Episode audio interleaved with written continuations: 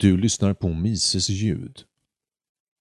Idag avhandlas artikeln “Politisk korrekthet handlar om kontroll, inte gott uppförande”. Författare Jeff Deist. Publicerades på mises.se 2 februari 2016. Inläsare Magnus hälsar dig välkommen. Idag skulle jag vilja prata om vad politisk korrekthet är, åtminstone dess moderna version vad den inte är och hur vi kan bekämpa det. Till att börja med behöver vi förstå att politisk korrekthet inte handlar om att vara trevlig. Det är inte enbart en samhällsfråga eller en del av kulturkriget. Det handlar inte om artighet, inkludering eller gott uppförande. Det handlar inte om att bemöta andra människor med respekt, vara känslig, att bry sig om eller att inte såra andra. Men du har säkert hört dessa argument. Politisk korrekthet handlar om simpel respekt och inkludering, säger de. Som om vi behövde de progressiva kulturpoliserna för att förstå varför man inte bör kalla någon efterbliven, använda n-ordet, uttala sig nedlåtande om någons utseende eller tolerera mobbare. Om politisk korrekthet verkligen handlade om att vara snäll och visa respekt skulle det inte behöva bli tvåtvingat. Vi har trots allt redan en mekanism för samhälleliga relationer som politisk korrekthet säger sig representera. Det kallas gott uppförande. Och det finns redan specifika individer som är ansvariga för säkerställandet av gott uppförande. De kallas föräldrar. Men vad är egentligen politisk korrekthet? Låt mig först definiera det. Politisk korrekthet är den medvetna manipulationen av språket med syftet att förändra sättet som folk pratar, skriver, tänker, känner och agerar på för att främja en agenda. Politisk korrekthet beskrivs bäst som propaganda och jag föreslår att vi behandlar den som just det. Till skillnad från propaganda, som historiskt har använts av stater för att uppvigla stöd i en viss kampanj eller insats, omfattar dock den politiska korrektheten allt den försöker forma oss till en modern version av den marxistiska människan. Befriad från alla sina borgerliga beteenden och dagliga sociala konventioner. Liksom all propaganda är politisk korrekthet en lögn i grunden. Det handlar om att vägra handskas med verklighetens underliggande natur. Att de facto försöka förändra denna verklighet genom lagstiftning och sociala dekret. A är inte längre A. För att citera Hans Hermann Hoppe, citat. Överherrarna stipulerar att aggression, invasion, mord och krig i själva verket är självförsvar. Och självförsvar är aggression, invasion, mord och krig. Frihet är tvång och tvång är frihet. Skatter är frivilliga inbetalningar och frivilligt betalda priser är exploaterande skatter. I en politiskt korrekt värld är metafysiken förvrängd och omdirigerad. Sanningen blir formbar för att tjäna ett större syfte, beslutat av våra överherrar.” Slutcitat. Men var har allt detta kommit ifrån? Politisk korrekthet är med säkerhet i alla dess former inget nytt under solen. Jag tror att vi kan anta att feodalkungar, kungar, kejsare och politiker i alla tider har försökt att kontrollera undersåtarnas språk och tankar och därmed deras handlingar. Tankepolisen har alltid existerat. För att förstå ursprunget till politisk korrekthet vänder vi blicken åt Marx och senare Frankfurtskolan. Vi skulle även kunna titta på den inverkan som Leo Strauss arbete haft inom de krigsivriga tankesmedjorna. Vi kan studera Saul Alinsky's vilseledande slogans. Vi skulle också kunna nämna den franske filosofen Foucault, som använde termen politisk korrekthet på 1960-talet som en kritik av ovetenskaplig dogma. Men om du verkligen vill förstå PK, propagandans mörka konst, föreslår jag att du läser en av dess främsta utövare, Edward Bernays. Bernays var en anmärkningsvärd man. Någon som bokstavligen skrev boken om propaganda och dess mjukare version, Public Relations. Han nämns inte särskilt ofta i västvärlden idag, trots att han är gudfadern till detta. Han var brorson till Sigmund Freud och likt Mises född i Österrike i slutet på 1800-talet. Till skillnad från Mises däremot hade han turen att komma till New York som ett barn och blev sedan hela 103 år gammal. Ett av hans första jobb var som pressagent i president Woodrow Wilsons Committee on Public Information. En enhet med syftet att öka allmänhetens stöd till USAs inblandning i första världskriget. Framförallt var tyska och irländska amerikaner motståndare till detta. Det var Bernays som myntade det ökända begreppet ”Gör världen säker för demokrati” som användes av kommittén. Efter kriget frågade han sig huruvida man kunde applicera samma teknik på fredsproblem. Med problem menade Bernays att sälja saker. Han ledde väldigt framgångsrika kampanjer för Ivory Soap, bacon och ägg som hälsosam frukost och ballett. Han ledde flera framgångsrika marknadsföringskampanjer, där den för Lucky Strike är den mest välkända. Kampanjen gick ut på att göra det socialt accepterat för kvinnor att röka. Bernays var både öppen och stolt i sitt skapande av samtycke. En term som användes av den brittiske kirurgen och psykologen Wilfred Trotter i verket Instincts of the Herd in Peace and War, publicerad 1919. Bernays blev djupt inspirerad av konceptet flockbeteende. Flockinstinkt vilar på ett djupt rotat behov av att vinna acceptans i en viss social krets.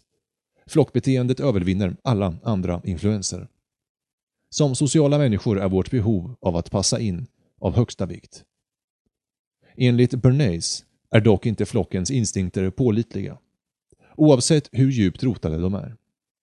Flocken är irrationell och farlig och därmed måste den styras av visare män på tusentals olika sätt. Och nyckeln är att aldrig låta dem veta om faktumet att de blir styrda. Bernays teknik används flitigt än idag för att forma politisk korrekthet. För det första förstod han, Bernays, hur mäktiga flockens instinkter faktiskt var. Vi är inte de speciella snöflingorna vi tror vi är, enligt Bernays. Vi är snarare ängsliga och formbara varelser som desperat försöker vinna acceptans och passa in i gruppen. För det andra förstod Bernays vikten av att marknadsföra frågor eller produkter genom en auktoritär tredje part. Kändisar, idrottare, modeller, politiker och rika personer är de personer som flocken ser upp till, oavsett om det gäller att stödja hbtq-rörelsen eller sälja lyxbilar. När George Clooney eller Kim Kardashian visar stöd för Hillary Clinton tilltalar det flocken. För det tredje förstod han känslornas roll i våra smaker och preferenser. Det är egentligen inte en specifik kandidat, cigarett, klocka eller handvätska vi vill ha. Det är den emotionella komponenten av reklamen som undermedvetet påverkar oss. Frågan vi ställer oss själva är Hur bekämpar vi den politiska korrektheten? Vad kan vi göra som individer med begränsad tid och begränsade resurser, med seriösa förpliktelser gentemot våra familjer, nära och kära och karriärer, för att komma undan denna mörka våg? För det första måste vi förstå att vi befinner oss i en kamp. Den politiska korrektheten representerar ett krig om våra hjärtan, sinnen och själar. Våra motståndare förstår detta. Därmed borde även du göra det. Kampen utspelar sig på flera olika fronter.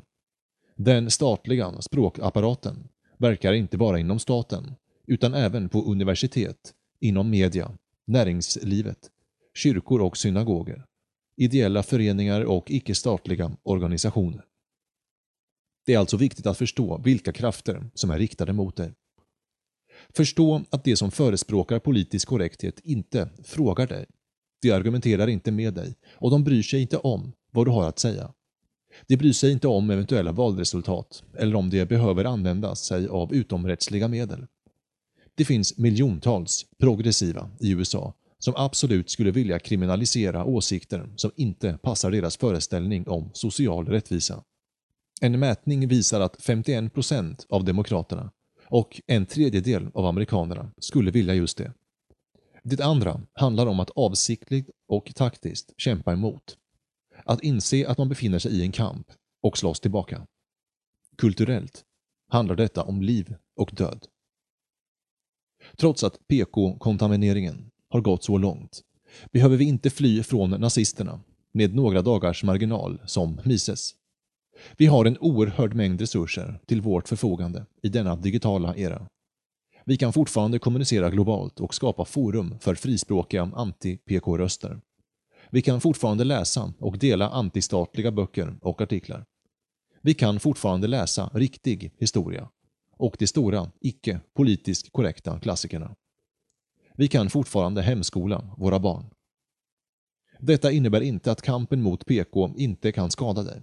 Risken att förlora jobb, rykte, vänner och familj är stor. Men att acceptera en förlust kommer inte på tal. Och det skulle inte göra oss värda våra förfäder.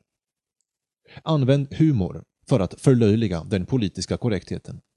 Politisk korrekthet är absurd. De flesta människor känner det. Och dess praktikanter lider av brist på humor, självkännedom och ironi. Använd alla tillgängliga medel för att reta, förlöjliga och exponera den politiska korrektheten för vad den egentligen är. Glöm aldrig att samhället kan förändras väldigt snabbt i kölvattnet av omvälvande händelser.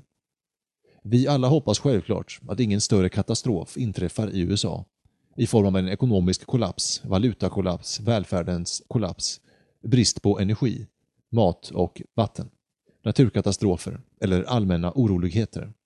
Men vi kan inte räkna bort risken att något liknande inträffar.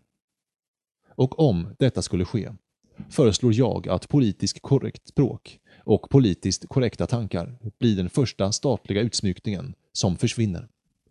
Bara rika, moderna samhällen kan ha råd med lyxen av ett tankesätt som inte är förenligt med verkligheten. Och det tankesättet kommer snabbt försvinna när den rika delen av USA tynar bort. Män och kvinnor kanske återupptäcker att de behöver och kompletterar varandra om välfärdsstaten skulle kollapsa. Oändliga timmar spenderade på sociala medier kanske ger utrymme för återuppbyggandet av sociala relationer som verkligen betyder något när nätverken ligger nere. Mer traditionella familjestrukturer kanske ser mindre förtryckande ut då vi plötsligt står inför en stor ekonomisk ovisshet. Skolor och universitet kanske återupptäcker värdet av att lära ut praktiska färdigheter istället för att censurera historia och göra missnöjesstudier. Sexuella preferenser kanske inte ter sig lika viktiga, säkerligen inte som en grund till rättigheter. Rättsstaten kanske blir något mer än en abstraktion att förkasta för att kunna utöka social rättvisa och förneka privilegier. Med risk för att inte låta populär måste jag ändå säga att vi behöver vara förberedda för en hård kamp. Låt oss lämna tomma luften om snabba åtgärder till politikerna. De progressiva spelar det långa spelet mästerligt. Det har tagit 100 år för dem att ta sig igenom våra institutioner steg för steg. Jag föreslår inte att vi bör ta tillbaka dessa förlorade institutioner, som för övrigt är körda sedan länge, utan att vi skapar våra egna. PK-pådrivarna försöker splittra oss ända ner till atomnivåer genom klass, ras, kön och sexuell preferens. Låt dem göra det. Låt oss ta en sidoväg från institutionerna de kontrollerar till förmån för våra egna. Vem säger att vi inte kan skapa våra egna skolor, kyrkor, media eller egen litteratur? Och våra egna civila och sociala organisationer. Att börja från noll är säkerligen mindre skrämmande än att strida emot den politiska korrektheten på dess hemmaplan. Politisk korrekthet är ett virus som ställer oss frihetsälskande människor på hälarna. När vi låter det progressiva avgöra debattens ramverk och kontrollera berättelsen förlorar vi makten över våra liv. Om vi inte pekar på vad staten och dess agenter gör för att kontrollera oss, bör vi ärligt talat fundera över hur länge organisationer som Misesinstitutet kommer tillåtas att vara fria att anordna evenemang. Är det verkligen helt otänkbart att man vaknar upp en dag och finner att antistatliga och antiegalitära hemsidor som Mises.org och lurockwell.com är blockerade? Eller att sociala medier som Facebook eliminerar åsikter som inte är kompatibla med vad som accepteras i den nya världen. Faktum är att krypet Mark Zuckerberg, Facebooks grundare, nyligen hördes berätta för Angela Merkel att han skulle arbeta för att dölja Facebook-kommentarer från tyskar som hade fräckheten att ställa sig emot statens invandringspolitik. Här är Facebook-uttalandet, citat. Vi är hängivna i att arbeta nära den tyska staten gällande denna viktiga fråga. Vi tror att den bästa lösningen för att handskas med personer som gör rasistiska, xenofobiska kommentarer är då staten och civilsamhället arbetar tillsammans i denna gemensamma utmaning. Slutcitat. Skrämmande, eller hur? Detta närmar sig i en server nära dig. Om vi alla inte börjar agera.